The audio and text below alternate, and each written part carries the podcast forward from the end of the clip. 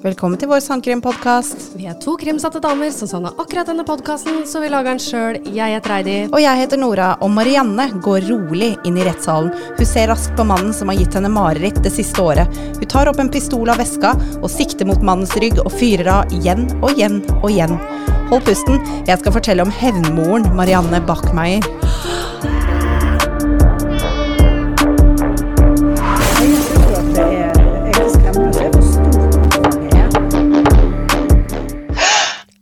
Nora. Hei, Heidi. Det er den sykeste introen jeg har hørt. Var den ikke bra? Jo. Frysninger. Ja, jeg får frysninger sjøl, faktisk. Wow. Jeg jeg er litt gira for den saken her. Ja, det skjønner jeg. Ah, Ja, Er det noe du har lyst til å ta opp, eh, Heidi? Eh, nå kommer jeg ikke på noe. Nei, du gjør ikke det. Nei. Ja, skal vi bare gå rett på? Vi går rett på. Samme Ja. hva vi støter på. Jeg skulle til å si det. um, så jeg, jeg føler jo da, Heidi, Ja. ofte, og det er jo litt ironisk da, siden vi har det temaet vi har her i podden, men jeg føler ofte at vi snakker litt for mye om folk som gjør helt forferdelige ting. Jeg sier det. Jeg sier det. Uh, vi snakker om uh, folk som dreper barna sine, om foreldre som lar de gå for lut og kaldt vann. Uh, helt forferdelige ting. Så nå vil jeg ha en litt annerledes historie. Og denne har jeg bare googla meg fram til, for jeg var veldig gira på å ha en sånn her type historie. Så dette er ikke noe lyttertips. Eh, så um, fant jeg den her, da. Og da blei jeg engasjert. Oi. Så da kjører vi. Eh, Marianne Bachmeier. eh, altså det uttales sikkert sånn. Det er Tyskland, men jeg sier Bachmeier. Okay? Ja, okay. Jeg har ikke hatt tysk. Nei. Så Marianne Bachmeier hun er født eh, 3.6.1950 i Sarstedt i Tyskland. Foreldrene hennes var flyktninger fra Prøysen. Eh, Prøysen var et distrikt tilhørende Tyskland under andre verdenskrig, og når krigen tok slutt, så flykta mange tyskere fra Prøysen og inn i Vest-Tyskland. Og dette var for å komme unna liksom russere. Eh, og husk også at hele Tyskland er delt i øst og vest etter andre verdenskrig. Um, med liksom Berlinmuren og alt det der, vet du. Mm, Mm. skulle akkurat til å stille Ja, det spørsmålet. -hmm. -hmm. Uh, Så hun uh, er da vokst opp i Vest-Tyskland. Ja, Ok. Eh, faren til Marianne han hadde jobba i militæret, i Waffen SS, som er militæravdelinga til nazistene. Ja. Ja, så han var nasse. Nasse, er det et nyttende greier? Nei, det er det svenskene sier. Det er i hvert fall det svensken min sier. Nasse. Jeg syns Nasse? det er veldig bra. Ja, det var egentlig kult. Ja, det- det- Ja, det, Det skal ikke være kult å være, kult å være nazi, men, Nei, eh, nei, nei. men jeg føler det er litt sånn nedsettende. og Jævla nasse. Ja, eh, ja, jo, kanskje. Det høres litt ut som et hundenavn. Kommer Nasse. Kom Uff da. Jeg håper Ja. ikke det er noen som har kalt bikkja si for Nasse. uh, I hvert fall, Han var en erketypisk autoritær type, som du kanskje kan tenke deg, og Marianne hadde en streng og religiøs oppvekst. Faren hennes tilbrakte, tilbrakte dessuten mye av fritida på pub, og det bidro ikke akkurat til å gjøre han en mjuk og koselig mann. Nei. Eh, hun hadde ikke et lykkelig barndomshjem. Men ehm, de, foreldrene skiller seg når hun er ganske ung. Da. Jeg kommer til det. Marianne er sine foreldres eh, rake motsetning. Hun er ei med egen vilje og meninger som ofte krasja med foreldrene.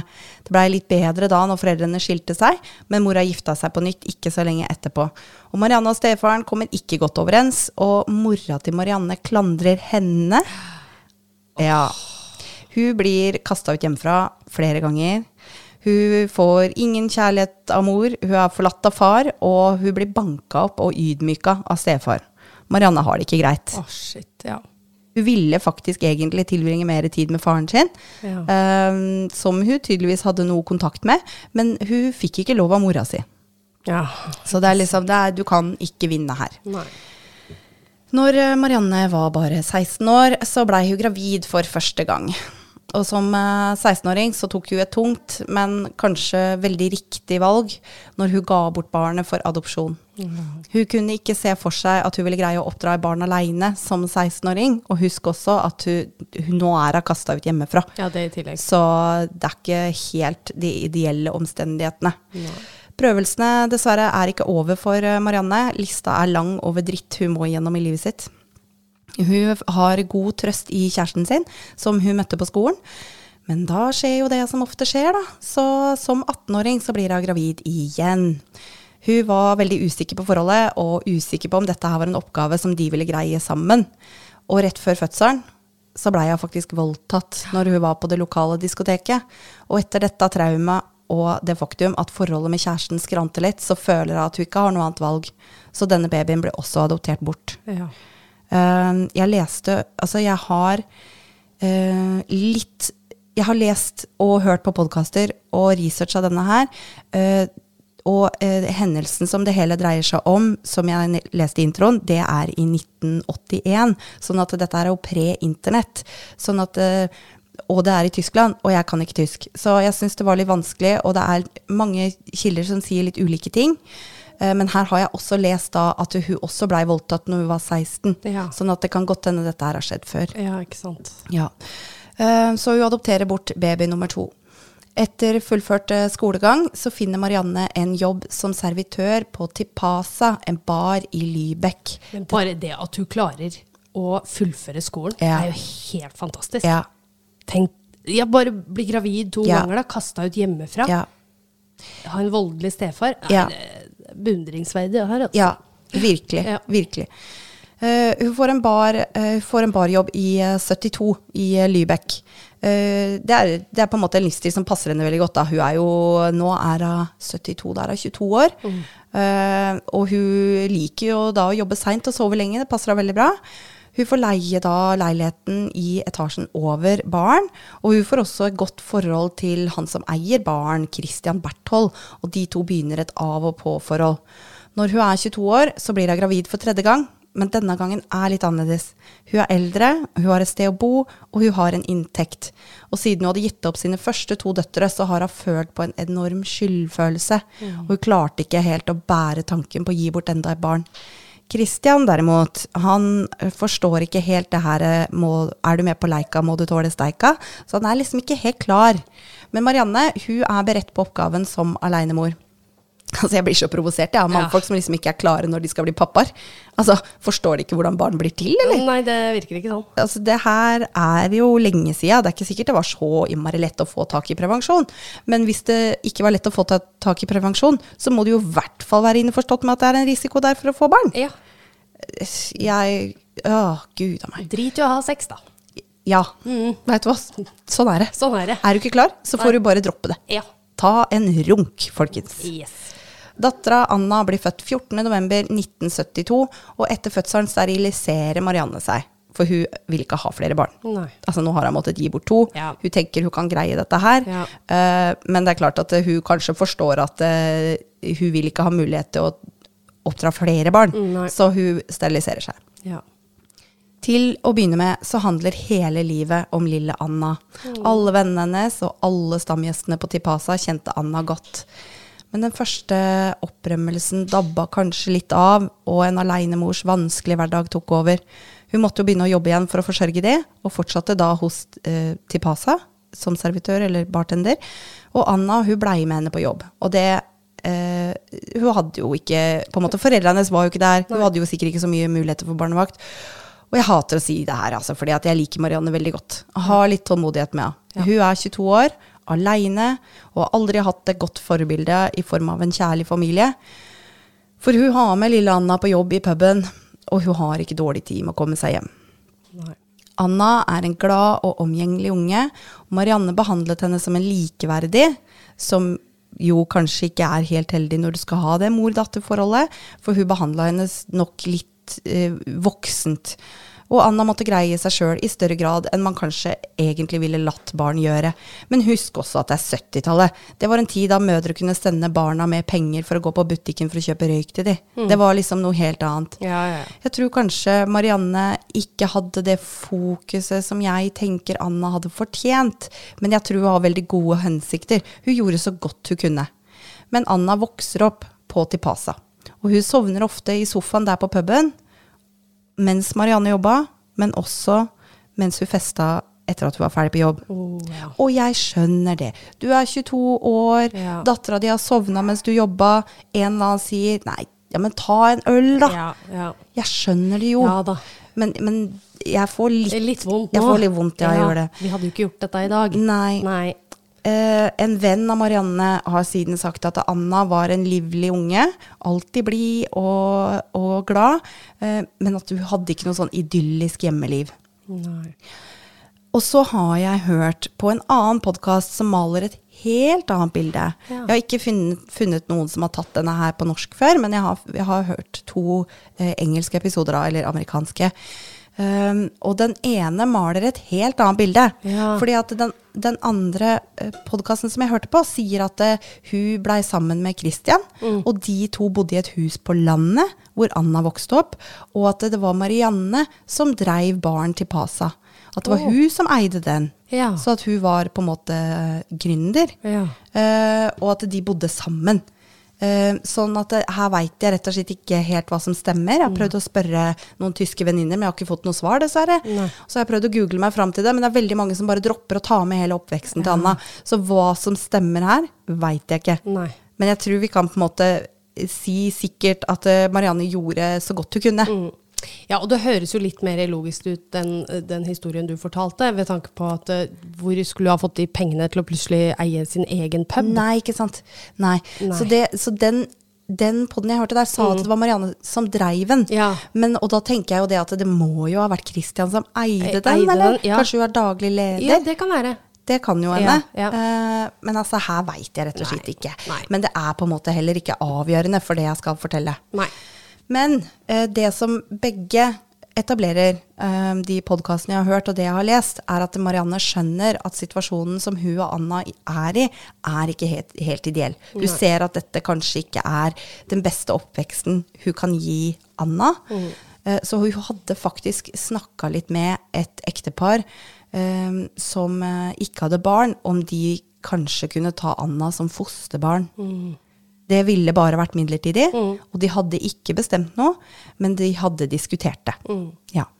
Eh, Det hendte at eh, her er vi tilbake på det på landet, at og det, som liksom begge sier, da, at Marianne, Anna og pappaen Christian, som eh, fortsatt er i bildet. Mm. Veit ikke hvor engasjert eller dedikert han er, ettersom jeg har ulike historier på det. Men det hendte at de tok noen dagsturer ut på landet. Ja. Så det var eh, en sånn hyggelig ting de gjorde. Um, om ikke de da bodde der, som den andre podden sier. Ja. Eh, Det var litt sånn hippiestemning over Lübeck. Husk at dette er Vest-Tyskland, som er det mye mer eh, på en måte liberale Tyskland enn Øst-Tyskland. Mm. Så det var litt sånn hippiestemning over Lübeck, og Anna hadde ikke veldig mye regler hun måtte følge. Kanskje som konsekvens av at Marianne vokste opp med veldig mye regler, ikke sant? Marianne jobber og treffer venner på kvelden og natta og sover på dagen. Og, Marianne, og, unnskyld, og Anna hun leker ute på dagtid mens Marianne sover. Og hun snakker med naboene og klapper hundene deres og var veldig sosial. Alle kjenner Anna. Ja. 5. mai 1980 så sover Marianne i leiligheten deres. Og det her føler jeg liksom støtter litt den litt kjipere versjonen av historien. At hun faktisk hadde en leilighet over baren. For det gir da mening at den bor der i byen, og at Anna leker ute i gata og ikke bor på landet, da. Ja. Eh, Men i hvert fall, 5. mai 1980 så sover Marianne i leiligheten, og Anna og Marianne hadde krangla kvelden før. Mm. jeg veit ikke om hva. Men Anna hadde fått det for seg at eh, nei, hun gadd ikke dra på skolen denne dagen. Det var sikkert litt sånn trass, ikke sant? Fordi at de hadde krangla. Oi, nå fikk jeg svar av den ene tyske venninna mi. Herregud. Det er kult! Ja. Snakk om På lufta, gitt. Um, um, hun skriver at eh, Å nei, nå glemte jeg faktisk å svare. Tusen takk, Natasha. Nå fikk du en name drop. Jeg er takknemlig. Um, jeg googlet under frokosten i dag og fant kun informasjon om mora, ikke mye om datteren. Um, det er jo kjempegreit å vite. Så da bare Ja. Da står det som det står. Jeg Ja. forteller begge sider, egentlig, bare. Ja. Så Anna gidder ikke dra på skolen. Uh, hun går heller på besøk til en venn, men denne vennen hennes har jo selvfølgelig dratt på skolen. Eh, så Anna gjør som hun pleier. Hun leker ute, og hun skravler med naboer. Eh, på kvelden hadde Marianne faktisk en fotoshoot med en lokalavis, fordi hun hadde en oppsikts, oppsiktsvekkende bil dekket av malerier. En sånn derre Volkswagen-van. Ja. Jeg ser for meg sånn hippie-van, ikke sant? Ja. Vet Som er helt butt i front. Yes. Jeg har ikke sett bilder av den, jeg skal se om jeg finner det. Men eh, det hørtes jo veldig gøy ut. Så en journalist hadde lagt merke til bilen og ville skrive en artikkel om henne. Eh, og når da Marianne kommer hjem på kvelden, så er ikke Anna der. Hun gikk ut for å se, se etter henne, men fant henne ikke. Og når mørket faller, så går Marianne til politiet. Marianne visste at Anna var sur på henne, og tenkte at hun har nok bare gått til en venn. Men det var ingen som hadde sett henne. På kvelden neste dag så går en kvinne inn på politistasjonen og forteller at hennes forlovede, den 35 år gamle slakteren Klaus Grabowski, har drept Anna. Anna snakka ofte med Klaus, de var naboer, og hun spurte alltid om hun kunne komme og besøke katten hans. Og når hun kommer tilbake fra vennen sin dagen før, så gjorde hun akkurat det hun pleide, for hun ser Klaus. Og hun får lov å bli med Klaus hjem og hilse på katten, men hun fikk ikke gå derfra igjen. Og det er ingen som veit helt hva som foregikk i den leiligheten, men Anna blir til slutt kvært med en strømpebukse som tilhørte forloveden til Klaus. Når forloveden kommer hjem, forteller Klaus hva han har gjort. Nei, det også. Til forloveden. Og forloveden hun snur på hælen og går rett til politiet. Når hun er hos politiet, så legger Klaus Anna i en pappeske, tar henne med på sykkelen sin og begraver henne i strandkanten ved en elv i nærheten. Når politiet ankommer leiligheten, så finner de en lapp hvor Klaus trygler forloveden sin om å ikke si noe, og han sier han vil vente på henne på stambaren deres for å snakke sammen. Og når han da dukker opp på den puben seinere den kvelden, så står politiet klar for å arrestere han. Bra. Ja, veldig godt at dette ikke er noe som forblir uløst. Klaus Grabowski han har ikke akkurat et rent rulleblad. Han har flere dommer bak seg. Eh, 19, sa de i den ene podkasten jeg hørte på. Eh, Helt fra tidlig 70-tallet og fram til nå. Eh, Anna døde 1980. Han var, hans første offer var en seksåring som greide å løpe fra han. Og han løp etter, og idet han greip henne rundt halsen, klar til å klemme til, så skriker hun så høyt at han måtte la henne gå for ikke tiltrekke seg oppmerksomhet. Da blei han dømt for drapsforsøk og fikk betinga fengsel. Det er jo egentlig bare tull. Betinga fengsel er jo ikke fengsel. Nei! Nei. Når, når kan vi. Når åh, Det var 70-tallet. Ja. Straffer var jo helt pusete. Ja. Men når kan vi begynne å behandle drapsforsøk som det det faktisk er ment å være? Det provoserer meg Mm. Ja, så det- enormt. Hvorfor skal en morder slippe billigere unna fordi de ikke lykkes? Hensikten var der. Ja, ikke sant? Det, Hadde man hatt muligheten, så hadde det dette kunne jeg snakka lenge om, kjenner jeg. Fy faen, altså. Nei, eh, så han fikk betinga fengsel da. To år etter det, eh, i 1975, så blir han tiltalt for seksuelt misbruk av to unge jenter. Og han blir da dømt til tvungen psykisk helsevern som del av sin rehabilitering. Og der blir han også kastrert. Oh. Det er altså ikke noe snipp-snipp, men en kjemisk kastrering. Eh, eller medisinsk kastrering. Det, gikk, eh, altså det, det går ut på at eh, han får estrogen for å dempe testosteronet. Og det er en reversibel prosess, altså. Men det er på en måte Du må få noe for å reversere det. Sånn at når du får det, så ok, da er du kastrert. Ok, Så det vil si at du egentlig ikke blir opphissa da, eller? Ja, noe sånt. Jeg skal, kommer inn på det. Ja. Jeg syns det høres jævlig bra ut for en pedo. Ja. ja Altså, Vest-Tyskland de tuller ikke med pedoer. Nei. Det syns jeg er fantastisk. Ja, ja til det. Nå, nå slenger jeg med leppa om ting jeg ikke aner noe om, men det, jeg syns det høres så bra ut. Ja. Eh, Så denne kastreringa da, det skulle dempe seksuelle lyster. Mm. og samtidig så hindrer det også svømmere. Altså det fungerer også preventivt. Oh, ja. Ja. Eh, Klaus fikk valget. Eh, han kunne være på institusjon på ubestemt tid, eller han kunne la seg kastrere for å gå fri. ja. Og da velger han det sistnevnte og får gå fri kort tid etterpå. Nå skulle han kanskje fått litt oppfølging, og kanskje noen samtaler med en psykolog i ettertid, men det fikk han ikke. Nei. To år seinere besøker Klaus en urolog for å få hormonbehandling, dvs. Si å reversere kastreringa. Han begrunner dette med fysiske bieffekter og det faktum at han har møtt en dame, var forlova, og de ville starte en familie. Og eh, dette her er også litt sånn motstridende. Om det er Altså, Klaus forteller urologen at han, har fått, at han får oppfølging av en psykolog, men det gjør han ikke. Og urologen har ikke dobbeltsjekka, og han har heller ikke sjekka rullebladet til Klaus.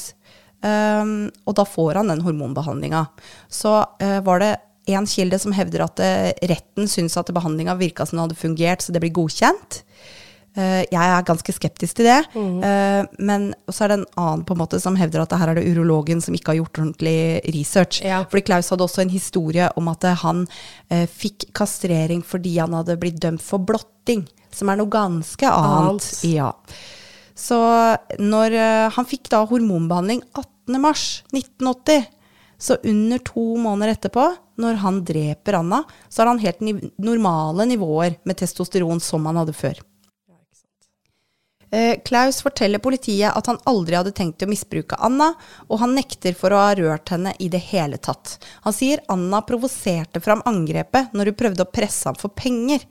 Hun hadde visstnok sagt at hvis ikke han ga henne penger, så ville hun fortelle mora si at han hadde tatt på henne.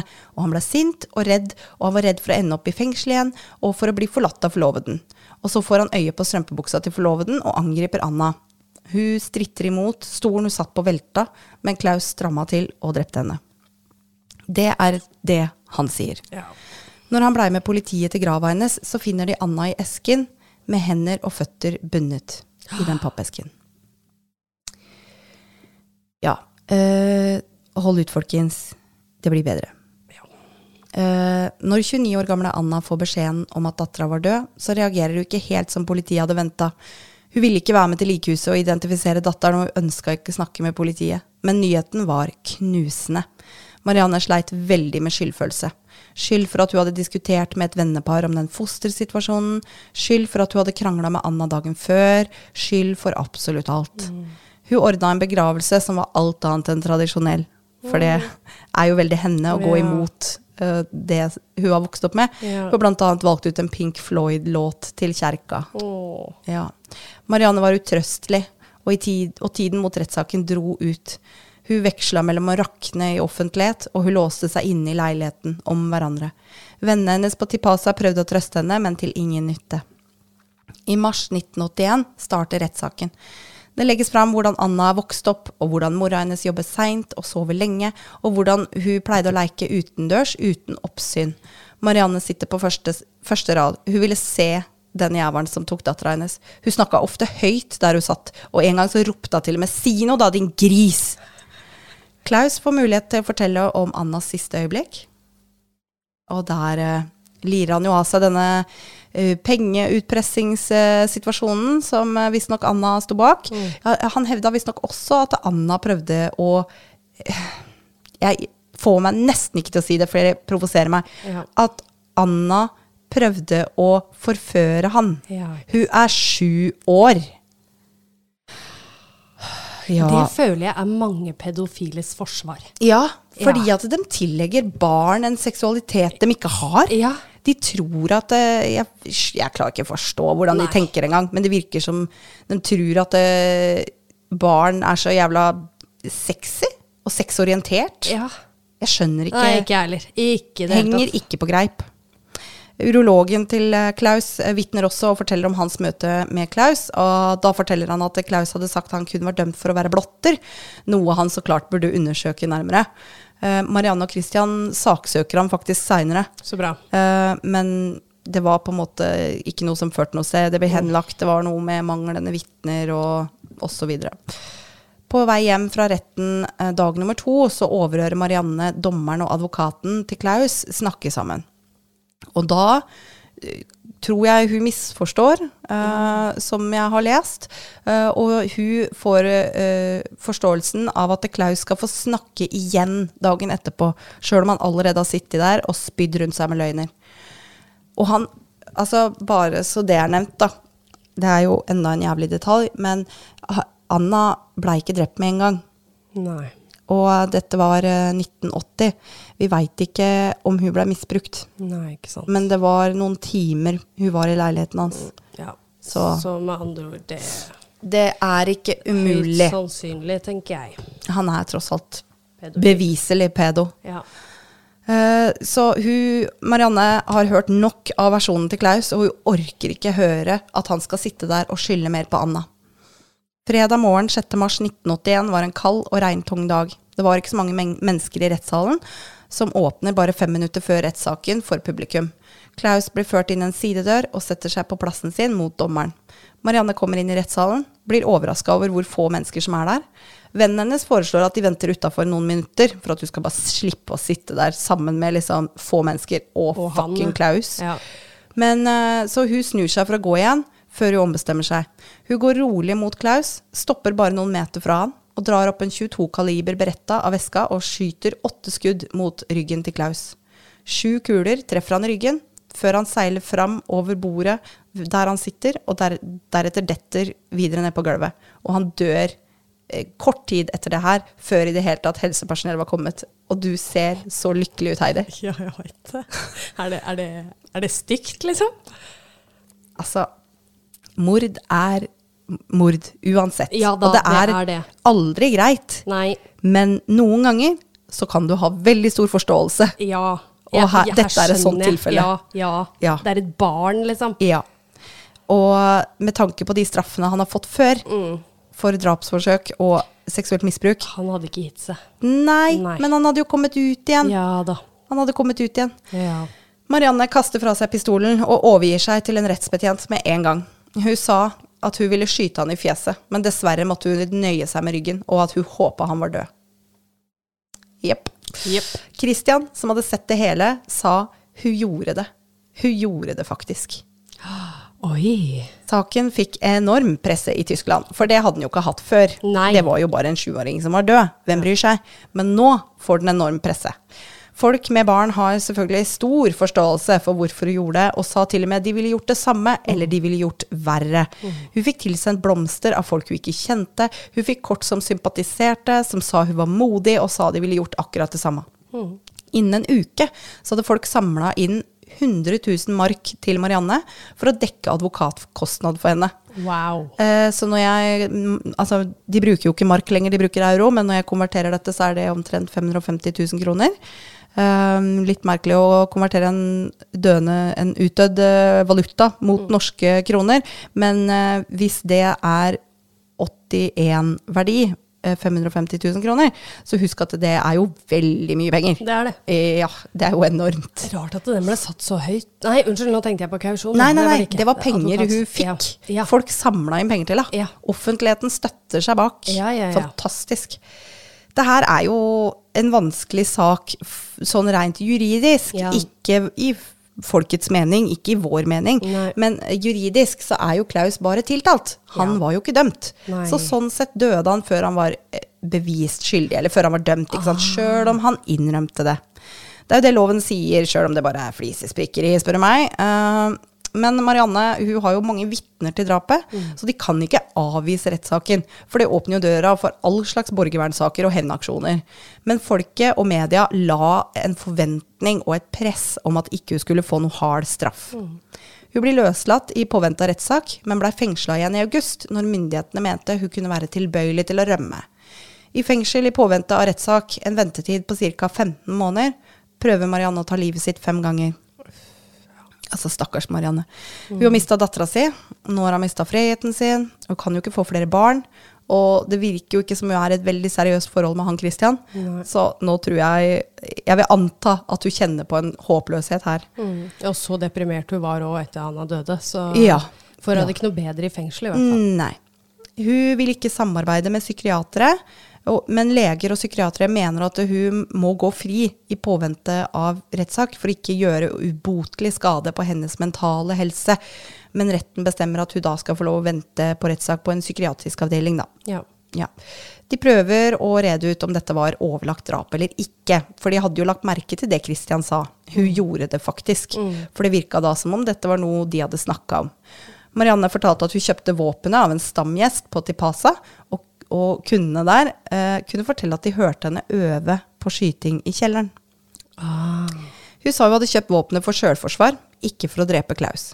I dag er det jo metalldetektorer ved inngangen til rettssaken i Lybekk, men det var det jo ikke i 80. Eh, Marianne 81 var vel dette her, faktisk, eh, rettssaken eh, til Klaus. Marianne nekta for å ha noe skyttertrening. Eh, men hun dro våpenet opp av en veske, tok av sikringa og skøyt i en sømløs bevegelse. Veldig rolig, veldig sikkert. Ekspertene mente hun måtte ha noe trening i, hånd, i å håndtere våpen. Men hun sto riktignok bare 3,5 meter bak han, og han var en stor mann, men hun var helt rolig og samla når, når hun gjorde det. Marianne blir tiltalt for overlagt drap. Altså, det er jo på en måte bare å bestemme Overlagt vil jo bare si at de prøver å rede ut om dette var planlagt. ikke sant? Gikk hun inn med hensikt å drepe. Ja. Hun blir tiltalt for overlagt drap, øh, og det blir dratt fram da, i rettssaken selvfølgelig, at hun forsømma Anna. De drar fram hvordan hun har hatt med Anna i baren øh, regelmessig, og det at hun snakka med det paret om de kunne være fosterforeldre. Staten mener at hun ikke gjorde det som hevn, men at hun heller var blinda av dårlig samvittighet. Ikke sant? Eh, og dette her blei jo en stor snakkis i media, spesielt med hvordan Marianne hadde oppdratt Anna. Og Tipasa blei kritisert, og Marianne blei kritisert. Og hun hadde fortsatt en del som sympatiserte med henne, og mente hun gjorde så godt hun kunne som alenemor. Og det å jobbe i bar var det eneste hun hadde erfaring med. Altså, det er det hun kan. ikke sant? Hun gjør det hun kan Ja. for å oppdra dattera si. Ja. Rettssalen er full av kvinner og mødre, og faktisk så var det så mange publikummere at de måtte flytte hele rettssaken til en større sal med plass til 200. ja, ikke sant. Um, I forkant av rettssaken så blei Marianne bedt om en håndskriftprøve, og der skrev hun eh, enkelt og greit 'Jeg gjorde det for deg, Anna', og tegna sju hjerter. Åh, Det er eh, Ja. jeg syns det er rørende, jeg. Ja, jeg, òg. jeg, jeg gråt ei lita skvett når Ja. jeg skrev det der. Ja, det skjønner jeg. Eh, Marianne hun fikk litt kjendisstatus, og i motsetning til andre tiltalt for mord, så poserte hun villig for kamera. Og det er jo mange som mener da at hun var litt for glad i den oppmerksomheten. Men når det kommer til stykket, så blir hun dømt for drap. Altså ikke overlagt. Jeg husker ikke hva, hva er det egentlig i Norge, Heidi, dette har du snakka om før, mord og drap. Å ja, det var det, ja. En av de er med hensikt eller Ja. overlegg, og en av de er uh, utilsikta, på en måte. Ja, stemmer. Jeg mente det var mordet litt sånn spontant. Ja, da er det det hun blir dømt for, da. Ja, jeg skal dobbeltsjekke. Vi er ikke veldig gode på jusslingo, vi er bare to sandkrimentusiaster. Ja. Så dette er ikke det vi er best på. Veldig sant. Mord er altså en grovere form for drap. Mord er en grovere form for drap, ja. Ok, Ja. Så da blir det dømt for drap, da. I, ja. Ja, for den, det, ble, det var liksom den mindre grove varianten. ja. Så da er det drap, da. Grove? Jeg trodde det hadde med hensikt å gjøre. Ja, det trodde jeg også. Ja, Uh, Hun blir i hvert fall dømt for drap, og ikke overlagt. Uh, overlagt drap eller overlagt mord, eller hva man sier. Ja. Hun blir i hvert fall bare dømt for drap og våpenbesittelse, og dommen blir seks år i fengsel. Ja. Oi, seks år bare. Ja, Statsadvokaten advokaten reagerte veldig, for de mente at dette var helt åpenbart planlagt. Klaus satt med ryggen til og utgjorde ingen trussel for henne, og det faktum at hun hadde med seg våpenet, viser at det var planlagt. Men dommeren mente dette var rettferdig. Marianne utgjør ingen trussel for samfunnet for øvrig, og han mente dette var spontant og skyldes traumene av å bare måtte sitte der i rettssalen og høre på Klaus de foregående dagene. Selvfølgelig. Marianne forlater rettssalen som en fri kvinne, som alle andre i salen, fordi hun skulle inn i fengsel seinere. Hun fikk en dato. Oh, ja. Hun blei holdt øye med, da, så ikke hun skulle prøve å ta livet sitt igjen. Ja. Og etter hvert når hun blir fengsla, så tilbringer hun de første 18 månedene på psykiatrisk avdeling. Og så blir hun sluppet fri i juni 1985 etter å ha sittet inne i tre år. Oi. Mm. Ja. Eh, når dommen falt, så var folk veldig splitta i sitt syn. Det ble gjort en undersøkelse som, mente at, eh, som viste at det var 28% som mente at hun fikk riktig dom, 27% mente det var for strengt, og 25% mente det var for slapt. Resten satt på gjerdet. Så Det er ganske firedelt, egentlig. Ja. Eh, Oi. ja, interessant. Det er veldig. Eh, hva ville dommen vært om Klaus ikke hadde drept dattera hennes, men broren hennes, mannen hennes, vennen hennes? Ville nasjonen hatt like mye sympati om ikke det var en mor i sorg? Er ikke mord mord uansett? Ja. Er jo sånne spørsmål Ja. som blei da stilt. ja, selvfølgelig. Og det er jo ganske interessant, egentlig. Ja. Hva hvis det hadde vært eh, at han hadde drept venninna hennes? Ja. Ja. Det er noe med det med mor og barn, altså. Det er noe spesielt med mor og barn. Selvfølgelig, du får jo, Man har jo tanker, og jeg tenker det at eh, det er jo fælt, og man tenker jo automatisk altså Ethvert normalt menneske ville jo tenkt hevn på en måte med en gang. Ja. At du ønsker den personen Ja, død. ja. Men eh, ja, det er, det er noe spesielt med mor og barn, altså, eller foreldre og barn. ja. Ja. Og vi har snakka mye Altså, jeg føler jeg har snakka mye om foreldre som dreper barna sine. Ja. Og her ønska jeg nå å snakke om ei som dreper for barnet Barna sitt. sine. Ja, ja, ja. Og jeg, jeg er jo ikke mamma engang, og jeg kan, jeg kan sette meg inn i den situasjonen der. Yes. Lett. Yes. Det er jo noe det kjæreste du har, altså. Ja, Faktisk. jeg kan bekrefte. Ja. Jo, men det, Ja. det tviler Og jeg jeg ikke på. snakka litt med svenskene om det også, og øh, fortalte om den saken jeg skulle ta, og han bare Ja, jeg ser den. Ja, ikke sant? Yep. Ja.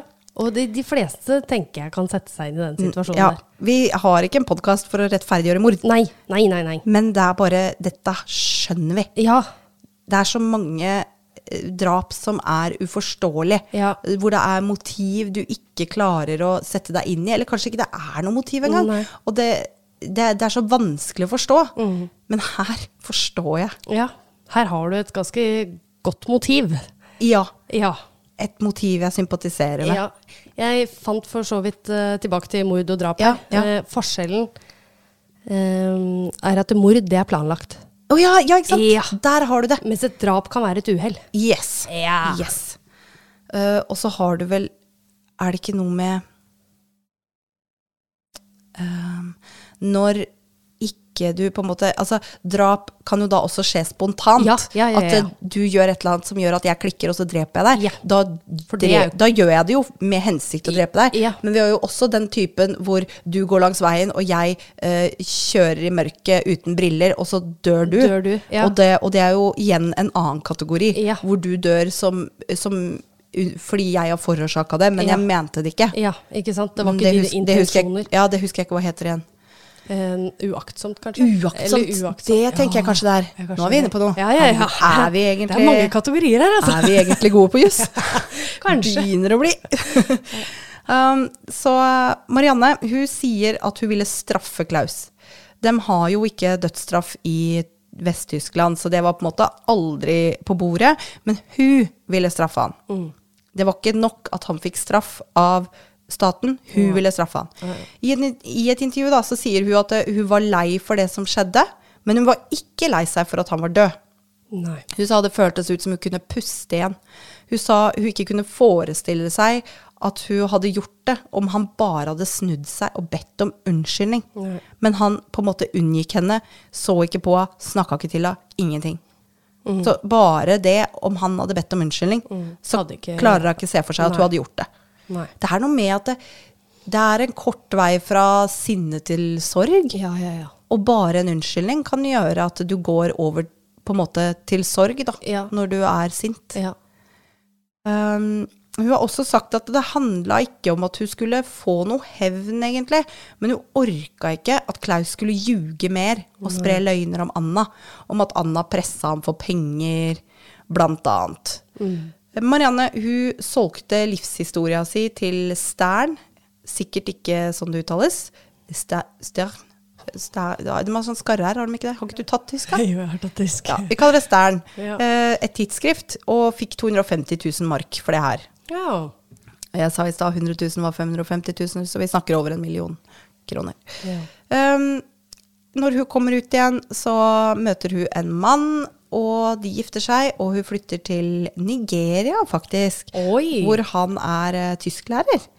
Uh, så hun flytter dit på slutten av 80-tallet. Uh, men de skilte seg allerede i 1990, og da flytter Marianne til Palermo på Sicilia, hvor hun jobba på et sykehjem. Hun ville ikke flytte tilbake til Lybekk, for der ville hun bare for alltid være kjent som Annas mutter. Altså moren til Anna. M- m- Mote. Mote. Ja. Ja. Annas Mote er også tittelen på en film som ble laga, basert på livshistorien som hun solgte til det bladet. Det ble faktisk laga to filmer. Oi. Ja. Men Marianne fikk eh, kreft i bukspyttkjertelen og flytta tilbake til Tyskland. Hun døde 17.9.1996, 46 år gammel. Oi, hun var så ung, ja. Ja. Hun ligger eh, gravlagt sammen med Anna, Oh. og for alltid kjent som Annas mutter. Jo.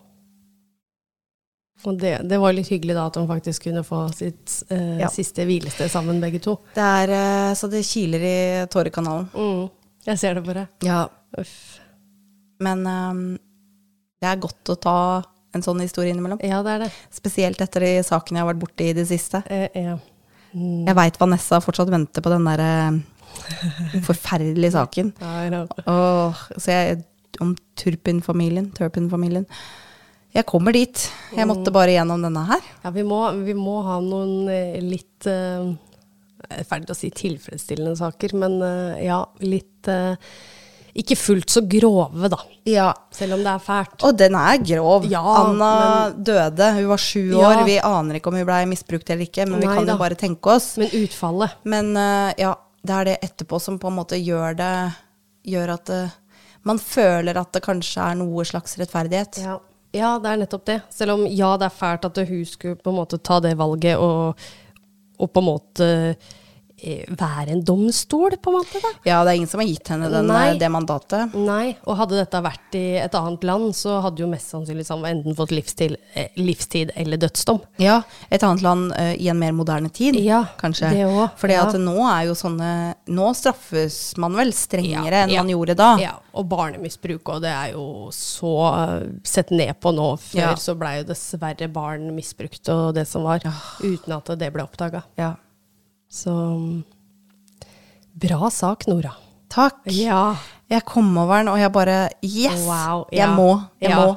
Jo, men det var litt deilig. Eh, og eh, selv om en fæl sak, men eh, jeg syns det var deilig å ha en litt lettere sak, kanskje. Jeg vet Ja. ikke helt hva vi har hatt de siste de, Ja. har, de har vært tunge. De har vært tunge. gjennom. Ja. Det, Ja. Vi kan relatere oss til Ja, utfallet. ja vi kan det. Eh, det er jo en del bilder eh, som fins, så jeg deler de på Instagram og Facebook. Dere får gjerne gå inn og kommentere, sånn som Ja. dere gjorde sist. Det var så hyggelig å få Ja. masse kommentarer. Og forrige gang også på den episoden jeg gjorde om Chris Watts, som jeg jo selvfølgelig ikke kalte Chris Watts, for Nei. det ville jeg ikke. Nei. Men uh, den episoden så fikk vi jo også masse kommentarer med Mm. bare liksom sånn uh, hyggelige tilbakemeldinger, da. Ja. Det, Ja, det, setter vi veldig pris på. Ja, det, er- det er så koselig. Veldig. Ja, og det er godt å høre at folk er enige med oss. Ja. Han var et svin. Han hva faen, et svin, altså. Aha. Oi, oi, oi. Ja, så det er bare å gå inn og, og kommentere, folkens. Ja. Eh, vi har ikke noe dere kan vinne nå, men dere får gjerne gjøre det for det. Ja, det er bare Dere kan vinne vår gunst. Ja, ja. Så, nei, men uh, Heidi, da snakkes vi neste uke. Det gjør vi. Ha det. Ha det. Ikke den.